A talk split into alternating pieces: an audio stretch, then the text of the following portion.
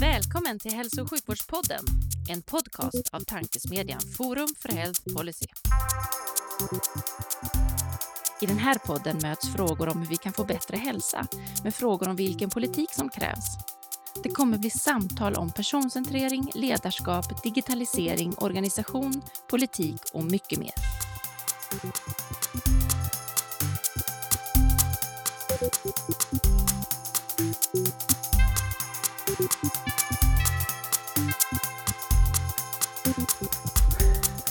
Hej och välkomna till ännu ett avsnitt av Hälso och sjukvårdspodden, tankesmedjan Forum för Health Policies podcast där vi diskuterar de stora frågorna inom hälso och sjukvården med initierade personer från densamma.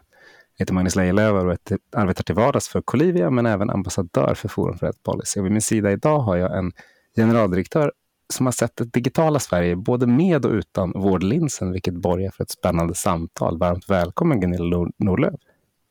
Tack så mycket Magnus.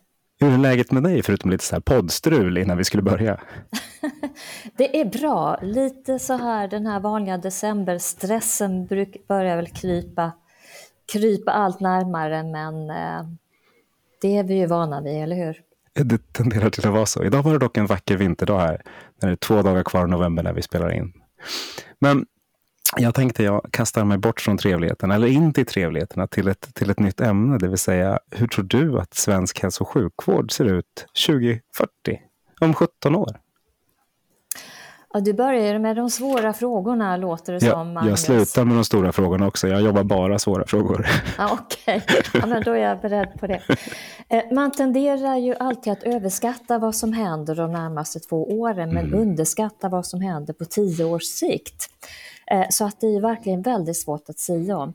Eh, men jag hoppas att vi har kommit eh, långt när det gäller hur vi arbetar tillsammans mellan olika organisationer, regioner, lokalt och statligt. Och inte minst att vi har en digital infrastruktur som verkligen underlättar för oss att få tillgång till all den data som vi behöver för att fatta bra beslut. Som både kan effektivisera men som också kan göra det enklare och eh, skapa bättre arbetsmiljö i vården. Eh, så det är väl det som jag har mest eh, fokus på. Och det här handlar ju både som sagt om vården och vårdkvalitet och också om det som vi brukar kalla för sekundär användning av data, det vill säga att kunna forska och innovera så att Sverige också ska ligga långt fram som kunskaps och innovationsnation inom det här området genom bland annat riktigt bra infrastruktur och tillgång till intressant data för forskning och innovation. Mm. Hur tror du att när, när, du och jag, om du och jag säger det snarare, kommer besöka vården 2040, hur tror du det kommer skilja sig för oss mot idag? Alltså jag tror nog gans, eh, ganska mycket på eh, eh, fysiska möten. Jag tror det är där vi har fortfarande mycket kvalitet. Mm. Eh, men däremot att väldigt mycket beslutsstöd också finns kopplat till det så att de personer som vi kommer att möta i vården kan verkligen ägna sig om sådant som bara tillhör den här mellanmänskliga relationen på något sätt. Eh, och att man i övrigt har riktigt bra eh, stöd då för att eh, fatta beslut och få kunskap och, om allt det som krävs beroende på vad vi nu kommer att ha för diagnoser när vi kommer där till vården. Ja, precis. Vi får se om vi, om vi har glömt det eller vad vi har tagit vägen då helt enkelt. Ja, Men du Gunilla, jag, jag tänkte vara snäll mot lyssnarna också. De eh, vet ju vem du är till liksom namnet, men kan du inte berätta, vad, vad gör du idag och vad har du gjort för att, för att hamna där? Eh, jag är ju generaldirektör idag på E-hälsomyndigheten. Eh, och eh, det är ju kanske, ligger lite i din fråga varför jag hamnade här och det, det vet jag inte riktigt om jag kan besvara själv. Men jag kan i alla fall berätta om min bakgrund. Jag kom ja, närmast det var väl egentligen det som var frågan. Men jag... Bra. Eh, jag kommer ju närmast från Tillväxtverket där jag har varit generaldirektör i nio år. Eh, och jag har också jobbat på Finansdepartementet, och Näringsdepartementet, eh, Riksgälden. Men jag har mina rötter i privata näringslivet och gjorde ett antal år inom Ericsson-koncernen som ingenjör. Sen tog jag en examen i nationalekonomi och det var så jag halkade in i offentlig sektor. Jag har mm. jobbat mycket med eh, utvecklingsfrågor, innovationsfrågor, eh, digitalisering eh, i mina olika jobb. Så det är kanske lite grann den plattformen jag har också i, i det här jobbet. när du då kom in och började titta på vården, för det är det du gör fast med e-hälsolinsen, liksom, hur, hur, hur, hur, och komma utifrån, hur, hur ser man vården då? Ja, dels så Stor och bred fråga, Magnus. Ja, precis. men jag, jag menar, de flesta jag pratar med i den här podden är, så, är, är från ankdammen hälso och sjukvård och har alltid varit där. Mm. Och då mm. blir man ibland lite hemmablind. Så du tänker att det är mm. intressant att se, du som har kommit in, nu har det varit ett tag inom, inom den här bubblan, eh, men jag tänker det är ändå kul att se, vad, vad var det du såg? Mm. Eh, ja, men dels så eh, blev jag väldigt imponerad över eh, allt som händer i den här sektorn och att det finns eh, eh, mycket innovation och det finns eh, mycket avancerad teknik på olika håll. Eh, och sen så blev jag lite förvånad över att eh, arbetsmiljön och de här digitala stöden inom vården kanske inte var så utvecklade som jag hade trott. Och det här med att man inte har tillgång till till samma data överallt och att det ibland är, är eh, får man inte sin data med sig som patient mellan olika vårdgivare eller olika regioner så till exempel. Där, där trodde jag nog att man också skulle lägga, ligga längre fram. Så att det är liksom en, en eh, dubbelbild här, både att kanske inte alltid ha tagit tillvara på de möjligheter som digitaliseringen uppenbarligen gör och å andra sidan väldigt avancerade tekniska lösningar på, på sina håll. Så ja, det var mm. liksom mm. lite grann min, min, min det, det är en bra bild. Jag tror, att du, jag tror att du är rätt spot on där vad det gäller hur patienter ser på, om man ser det som patient då helt enkelt, hur man, hur man ser på vad vi egentligen tror om att vården, hur långt man har kommit. Mm. Hur, hur, hur, känner ni att ni som myndighet, behöver ni agera på det på något sätt?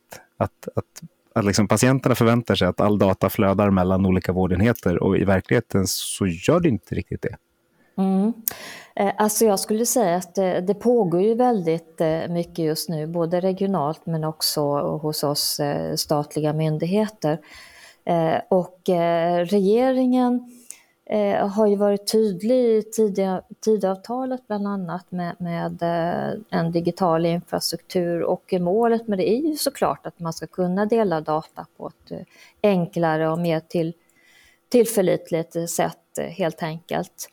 Eh, och eh, här har vi fått ett antal uppdrag så vi måste verkligen agera från E-hälsomyndighetens sida, både när det gäller att ta fram förslag på en, på en färdplan när det gäller nationella digitala infrastrukturen, men vi har också en hel del andra uppdrag eh, som handlar om intygstjänst och, och vårdförmedling och annat, där vi jobbar väldigt nära flera kollegor, men också med många intressenter och aktörer i hela sektorn för att det här ska kunna bli bra förslag eh, som också funkar i verkligheten. Känns det som ni är på rätt väg? Då? Ledande eh, fråga, förlåt. Ja, eh, jo men eh, jag, jag, tror att vi är på rätt väg. Eh, men det är komplexa frågor det här alltså, så det gäller mm. verkligen att försöka sätta sig in i alla aspekter och verkligen på djupet förstå behov och problem som ska lösas genom de mm. uppdrag som vi har fått och därför är det eh, nära samarbeten med eh, aktörer inom sektorn eh, på olika, olika håll väldigt viktigt helt enkelt. Och det är en jätteviktig fråga att, att vi samverkar på, på många sätt och vis. Och det du sa var att om 17 år så tror du att vi samverkar bättre inom systemet. Det vill säga att vi, att vi har kommit dit att liksom de olika nivåerna och myndigheterna eh, kommer att prata med varandra och göra mer saker tillsammans, vilket är helt nödvändigt. Vad, vad tror du vi kan göra för att spida på det? För, vi, för det är rätt fragmenterat som det är just nu, särskilt på just här, det digitala området där det händer mm. hur mycket som helst just nu på hur många ställen som helst. Mm. Absolut, och, och, eh, samtidigt är ju det digitala området det som egentligen är lättast Därför att eh, här krävs ju inga stora förändringar i organisationer egentligen, utan det här handlar om att jobba gemensamt eh, med att eh, få och ge tillgång till intressant information och data som vi har på olika håll så att den blir tillgänglig. Så det är egentligen någonting som vi skulle kunna, kunna lösa det finns ju teknik för detta, så det är mer ett hårt arbete när det gäller standardisering och möjligheter att utbyta information, möjligheter till integration och, och interoperabilitet, inte minst. Mm. Ja, det, det, låter ju enkelt när du säger det så. Det, det, verkar lite svårare i verkligheten när vi ska försöka lösa alla de här knutarna och, och vilja vara liksom bäst mm. på att tillvarata digitaliseringens möjligheter. Och ibland så känner vi att vi halkar ner på lite listor. Ja. Hur... Nej, men det, det, handlar ju om att komma överens, liksom, ha det här gemensamma målet och sen så göra det här tuffa jobbet med standarder och annat så vi verkligen kommer dit att vi kan eh, utbyta information och, och, ta del av den information som vi behöver ha i olika beslutssituationer. Eh, och det är klart att vi pratar ju om väldigt många organisationer och väldigt mycket data och information. Så mm. att eh, det är naturligtvis inte så enkelt som, som man i förstone skulle kunna tro, utan det är ganska så krävande och vi måste lägga rätt mycket resurser på det här.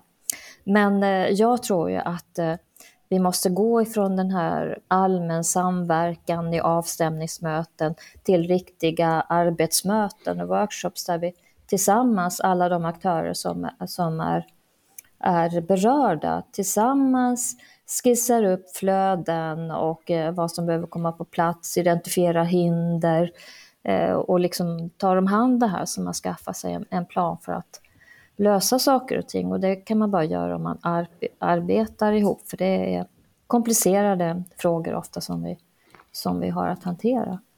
Mm. Och det är det definitivt. Och en komplicerande faktor är att vi blir mer och mer rörliga allihopa, både digitalt men också analogt.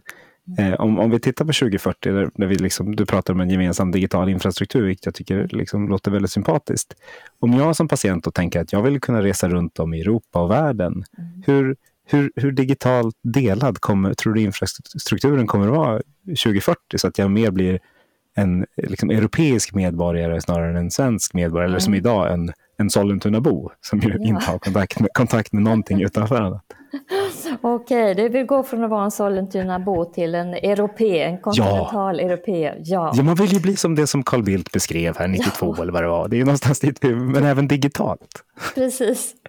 Och eh, det förhandlas ju just nu eh, en eh, förordning på EU-nivå som kallas för European Health Data Space eller EHDS och som går ut på just det här att vi ska inte bara inom ett land utan också mellan länder kunna dela patientdata så att man faktiskt just får med sig den här egna datan när man reser runt i, i Europa mellan olika länder och kanske behöver uppsöka vård eller ta ut medicin på recept eller någonting sånt där. Eh, och, eh, så, så, den förhandlingen pågår ju just nu.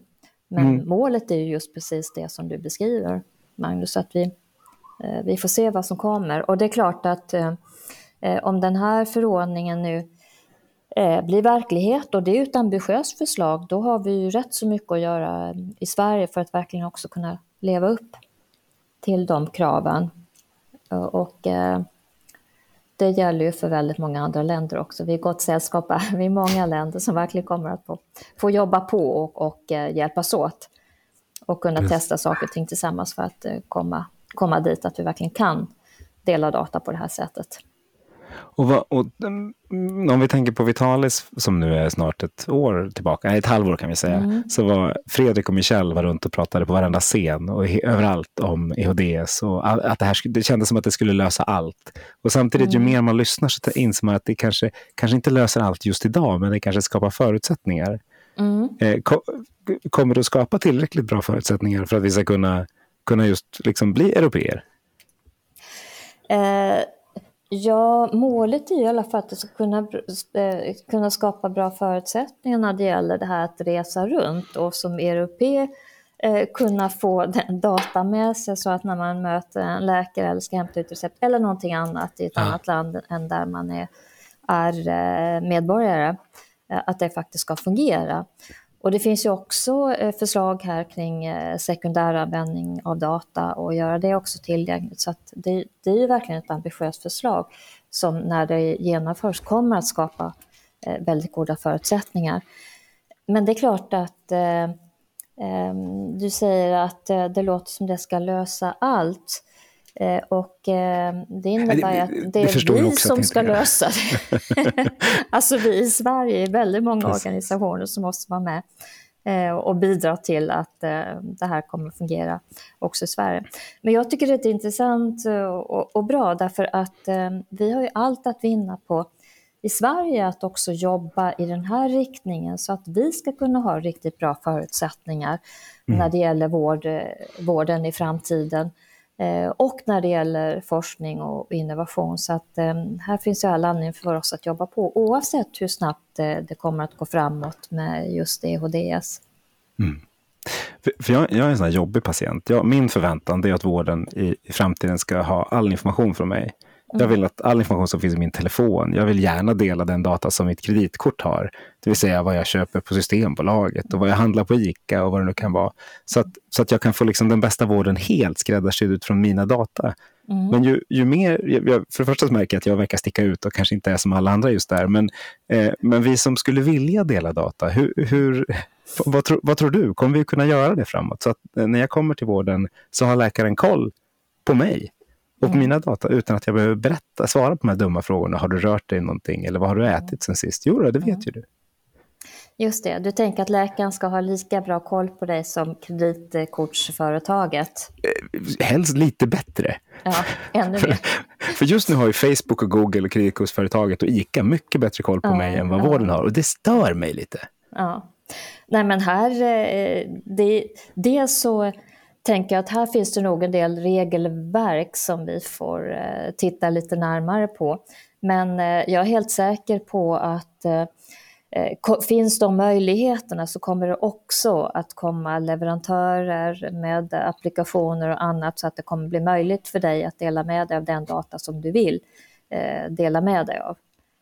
Tror att det kommer vara... jag, jag tror det, att det är nog en framtid också, för det är klart att det är väldigt mycket som påverkar eh, hälsan, om man nu skiljer lite på, på hälsa och, och sjukvård och vård, eh, som, ja, som har med ditt beteende liksom varje dag och dina köpmönster, dina rörelsemönster och allt det här som verkligen påverkar. Och det är klart att sån information kan vara minst lika viktig som vilken medicin du äter. Ja men exakt, och framförallt är det det som någonstans skulle kunna lösa den här krisen vi är i nu, om man får kalla det för kvällstidningsaktigt för kris. Där vi, där vi på något sätt, ju mer preventiva vi skulle kunna vara, både primärt och sekundärt, desto bättre skulle systemet kunna må. Man skulle kunna göra, ta de här mellanmänskliga mötena som du pratar om i större utsträckning och inte kalla folk i onödan utan kalla rätt personer och kunna fokusera på dem. Men då krävs det att vi vågar eh, ta oss dit. Eh, och jag vill liksom fortfarande kunna gå till en men, regionalt driven vårdcentral eh, och få den möjligheten. Eh, även om du, för du nu pratar om att det kommer komma innovativa företag och digitala. Eh, men jag skulle vilja att, att det var liksom det, var det, var det allmänna. Så, mm. eh, tro, tror du att vi kommer komma dit?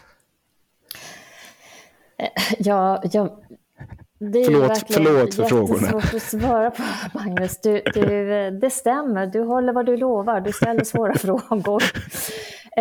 Men, jo, men jag tror att vi skulle kunna komma dit.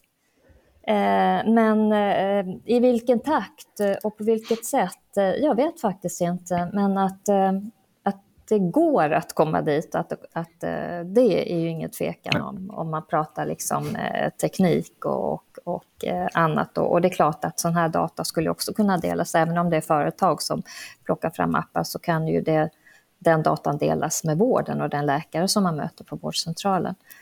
Naturligtvis, men ja, det måste finnas struktur för det här, det måste finnas regler. Ja, men precis. Och att jag ställer de här jobbiga... Ja. Mm. Och att jag ställer de här jobbiga frågorna, det är ju lite för att men ni hamnar någonstans mitt i den här liksom stormen som pågår just nu. Mm. När vi som individer skapar massa data och där, där det just nu, det mest ojämlika vi har inom hälso och sjukvårdssystemet, det är preventionen. För någonstans det vi skickar ut som, där ansvaret ligger hos medborgaren, där är, där är det kunskap och liksom utbildningsnivå och, och mm, ekonomi som kommer att styra. Och det, mm. det liksom, om, ju mer vi trycker ut, vilket vi ju gör i, liksom, med de högspecialiserade sjukhusen och, och vi, ska, vi, vill att många ska ta hand om sig själva själva, mm. då, då landar vi plötsligt i något som kan bli mer ojämlikt. Och det är jag lite orolig för. Mm. Och då tänker jag att ni har liksom en nyckelroll där för att faktiskt få ihop det där. Mm. Ja, men jag tänker att eh, vår roll i verkligen eh, fokus på infrastruktur, fokus på att det ska vara möjligt eh, att dela data, få tillgång till data, den datan som är viktig i ett visst, viss beslutssituation, vare sig du är patient eller läkare eller forskare eller chef inom en region som behöver underlag för att kunna, kunna fatta kloka beslut. Mm. Eh, så, så, det är ju liksom det som vi fokar på i första hand. Hur sedan den datan kommer att användas och leda till möjliga innovationer, effektiviseringar och annat, det måste det finnas struktur och regelverk för såklart.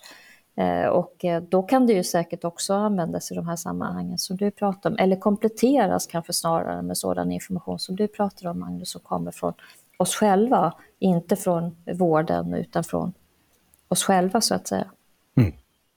Ja, men precis. Så jag skulle, får man titta på, på ICA till exempel, som sitter med apotek, med vårdcentral, med försäkringsbolag, med bank, med, med matvarorna. Det är det systemet som, som man skulle vilja liksom mm. styr min vård. Inte kanske just ICA, utan jag skulle vilja att, att, det, att det offentliga tar hand och driver det. Mm. Eh, och det men, men, men, då krävs det att, för då, då, tolkar vi lagarna lite olika och det är väl det som är den här, den här gråzons, eh, gråzonsframgången som vi behöver hitta. Jo, och sen är det ju naturligtvis hela tiden eh, en avvägning ja, me mellan da, hur ska data vara tillgänglig, för vilken data ska vara tillgänglig och, och hur tar vi samtidigt hand om integritet och säkerhet och, och sådana frågor. Så det är väl, och, och väldigt mycket av utveckling framåt kommer ju såklart att handla om de frågeställningarna. Ja, absolut. Och jag förstår att jag stretchade lite. Det är för att frågan ska bli roligare att, att lyssna på. Eh, eh om vi tar en liten lätt fråga då. Eh, jag tänkte att, eh, vad, vad, tar du med dig från, eh, vad skulle du vilja ta med dig från Tillväxtverket till, till ett jobb idag som du inte redan har tagit med dig och liksom, som skulle förändra det vi gör idag? Mm. Eh, nej, nej, men framförallt så eh, tänker jag hur eh, arbetsformerna är och jag är ju väldigt eh, mycket inne på det här att man verkligen jobbar ihop. Mm. Eh, man eh, workshoppar tillsammans med alla de som är berörda av en fråga och, och eh, man skissar fram förslag, man designar lösningar och gör det väldigt mycket tillsammans. Så är jag ganska van med att jobba sedan tidigare och det tycker jag är, det är bra arbetsformer. Då kommer man snabbt liksom till sak och ändrar och lägger inte allt för mycket tid kring ja, med processer och hur ska man mötas och så vidare, utan faktiskt börja jobba med de problemen som man har vid hand. Eh, och det tycker jag är viktigt. Eh, och sen också naturligtvis kunna diskutera och, och också öppna upp för eh, allt som händer inom forskning, innovation, näringslivet. Eh, så att man låter sig också inspireras eh, av det. Mm. För en sak som, som har hänt sen du har kommit in är att ni, det känns i alla fall som att ni har blivit mer synliga på ESO-myndigheten. Blivit lite mer, lite mer externa. Eh, mm.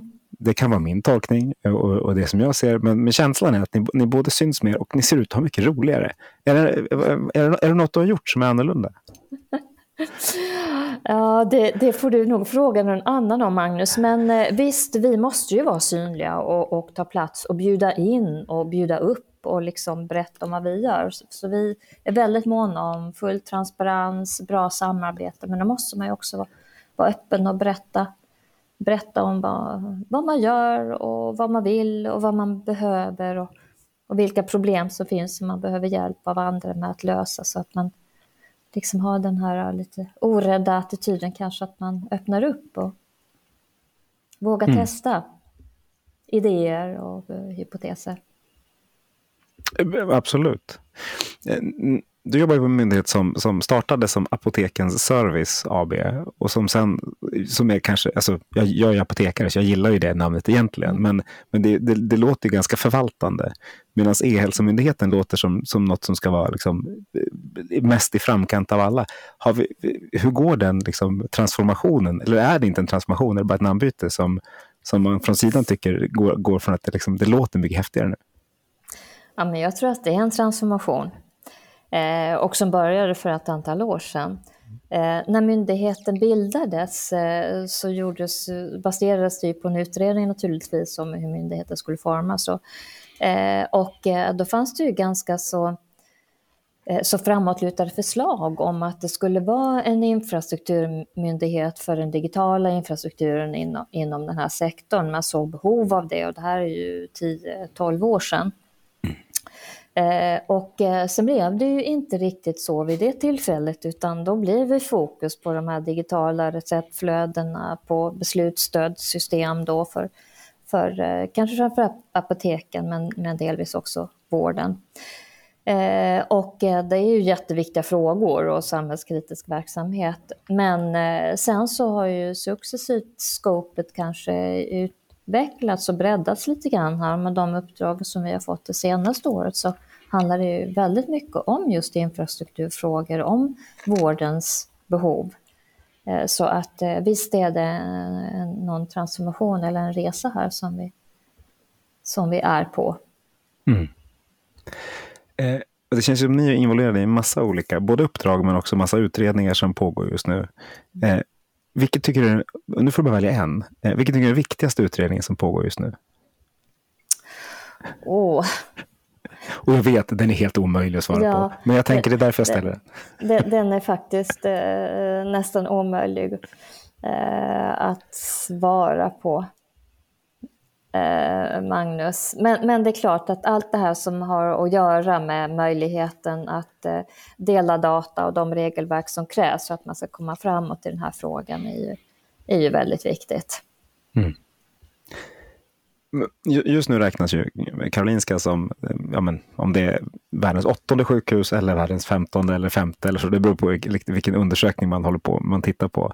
Även Sahlgrenska och Uppsala brukar hamna där uppe relativt högt. Vad, vad tror ni att ni kommer att göra annorlunda på Ensomyndigheten för att sjukhusen i Sverige ska hamna ännu högre upp på de här rankingarna? Um och alltså, frågan är egentligen, egentligen hur, liksom, hur, hur ser ni er del i, i att driva sjukhusvården framåt? Precis. Eh, nej, men vi ser ju väldigt mycket vår roll som, som den här förutsättningsskapande. Ja.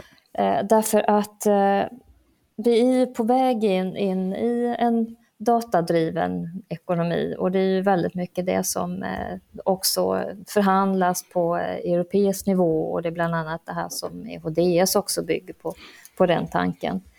Eh, så det är klart att eh, det här blir superviktiga frågor oavsett vad du håller på med framåt. Att mm. verkligen ha de här riktigt bra beslutsunderlagen eh, och att också få riktiga avancerade stöd för att fatta de här besluten som kan vara kritiska i vården men också för hur man allokerar resurser och som också såklart påverkar arbetsmiljön på ett sjukhus till exempel. Att man har tillgång till bra information. Sen behöver man ju eh, gränssnitt och, och eh, systemstöd som såklart i själva arbetet och eh, helst ska ju hela det här informationsflödet och, och de stöden vara integrerade i arbetsprocesserna såklart.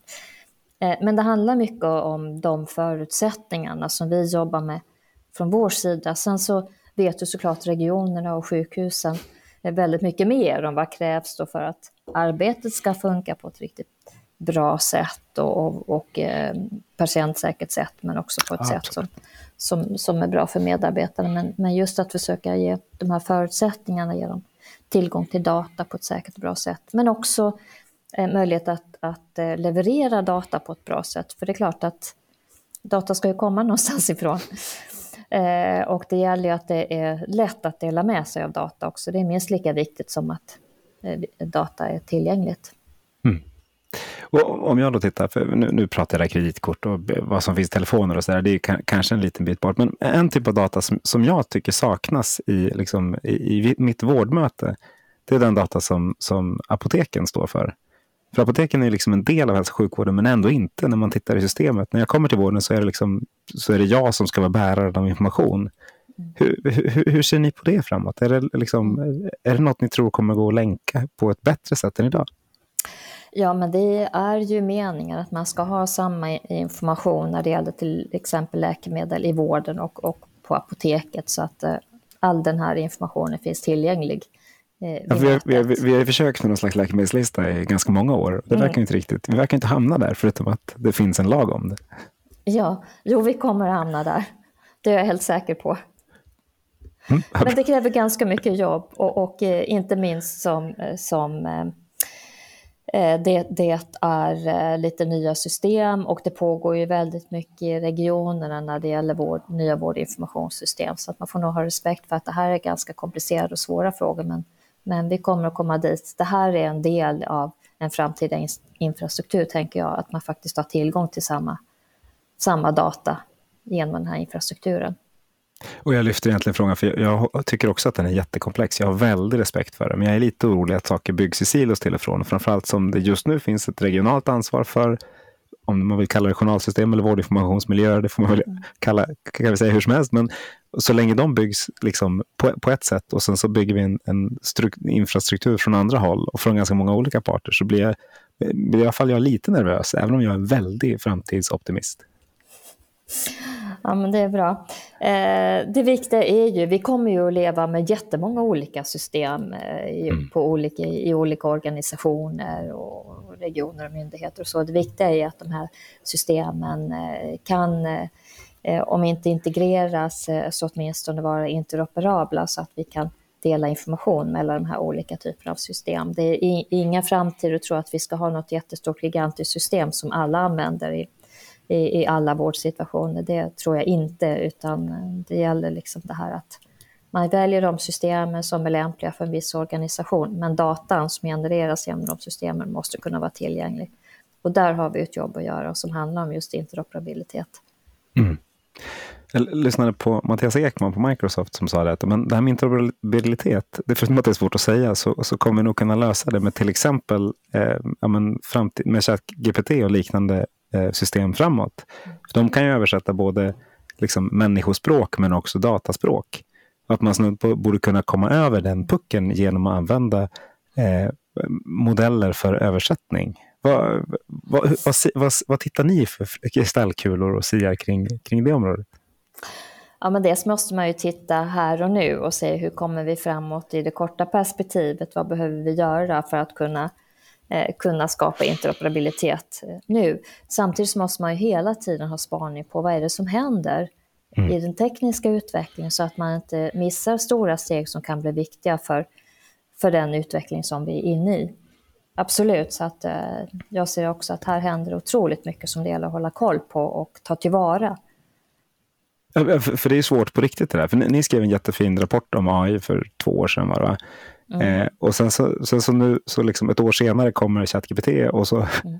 ja. ett, ytterligare ett år senare så har det liksom hänt hysteriskt mycket saker mm. som man knappt kunde sia om från början. Även om man kan se dragen, men man kunde inte se farten och liksom effekten av det. Hur, hur har ni som myndighet, hur jobbar ni med när det går så snabbt vid sidan och samtidigt är förväntan att allt ska vara så säkert och tryggt och evidensbaserat eh, implementerat? För det är en ganska svår balansgång. Absolut. Det är det. Och eh, så här får man bara helt enkelt eh, säkerställa att, att man har den här omvärldsanalysen och de samarbetena som man behöver för att, eh, för att säkerställa att man just tar tillvara de här möjligheterna som finns. Och samtidigt inte gör det på ett oreflekterat sätt utan att det verkligen är, är informerade beslut som fattas här och som, som bygger på att man, man också har säkerhet med i designen när vi, har, när vi jobbar med olika lösningar. Mm. Vi har en hel del samarbeten myndigheter emellan och också med andra organisationer för att just undersöka de här möjligheterna. Vad skulle det kunna bli framöver och på vilket sätt kan vi, kan vi använda eh, de här nya, nya möjligheterna helt enkelt. Men det är inte så lätt, alltså, jag håller verkligen med dig. Det går otroligt fort och, och eh, det gäller att skaffa sig koll och fatta medvetna beslut hela tiden. Men för det går jättefort och, och invånarna, både med patienterna med förväntan som sitter med liksom en, en, telefon och kan göra hur mycket saker som helst eh, och vårdens medarbetare som också utanför vården är jättehögteknologiska och kommer in i vården så blir man plötsligt low tech för att vi behöver ha system som är genom, liksom, genomanalyserade och eh, evidensbaserade. Mm. Hur, hur, möter man kommunikativt den förväntan? För det, det låter liksom genomsvårt. Ja, absolut. det, det låter jättesvårt och jag har inget bra svar på det. Men det är klart att eh, man behöver jobba i våra olika verksamheter, vi på myndigheter och, och eh, i vården så att man säkerställer att man har eh, Eh, bra arbetsprocesser, att man har digitala stöd integrerade i processen, att man skapar så lite administrativ eh, administrativ börda och, och gör det så enkelt som möjligt eh, det här runt omkring för alla som jobbar i våra organisationer så att man kan foka på det som man faktiskt är bra på och som inte kan göras digitalt eller av en robot e-, eller på andra sätt. Mm. Bra, bra svar. Eh, eh, om, eh, förutom att du hade förväntat dig lättare frågor när du kom in i det här rummet. Jag vet att du måste springa iväg till, till nästa möte. Var, var det något du, du hade velat prata om som du tycker att, att jag inte har lyft i, i det här samtalet? Jag tycker att eh, du har lyft tillräckligt med svåra frågor, Magnus. Eh, och eh, jag tycker det här är, ja, det är fantastiskt kul att få jobba inom det här området helt enkelt. Men det kräver verkligen riktigt bra samarbeten mellan olika organisationer, aktörer och intressenter för att vi ska komma framåt här på, på ett riktigt bra sätt och både ta tillvara de här möjligheterna som vi pratat om när det gäller teknik och, och digitalisering. Men, eh, men också skapa riktigt bra förutsättningar för våra medarbetare så att det blir attraktivt att jobba här också. Mm. Ja, precis. Och det hade jag kunnat ägna en timme till åt att fråga om medarbetarna, för det finns så mycket härliga, härliga saker vi, man skulle vilja prata om där. Men eh, eh, mån om tiden så att du ska hinna iväg på ditt nästa möte så tänkte jag tacka varmast för att du var med i Hälso och sjukvårdspodden. Tack så mycket Magnus. Kul att prata med er. Då går vi ut och förändrar svensk hälso och sjukvård så bättre. Absolut. Vi hörs.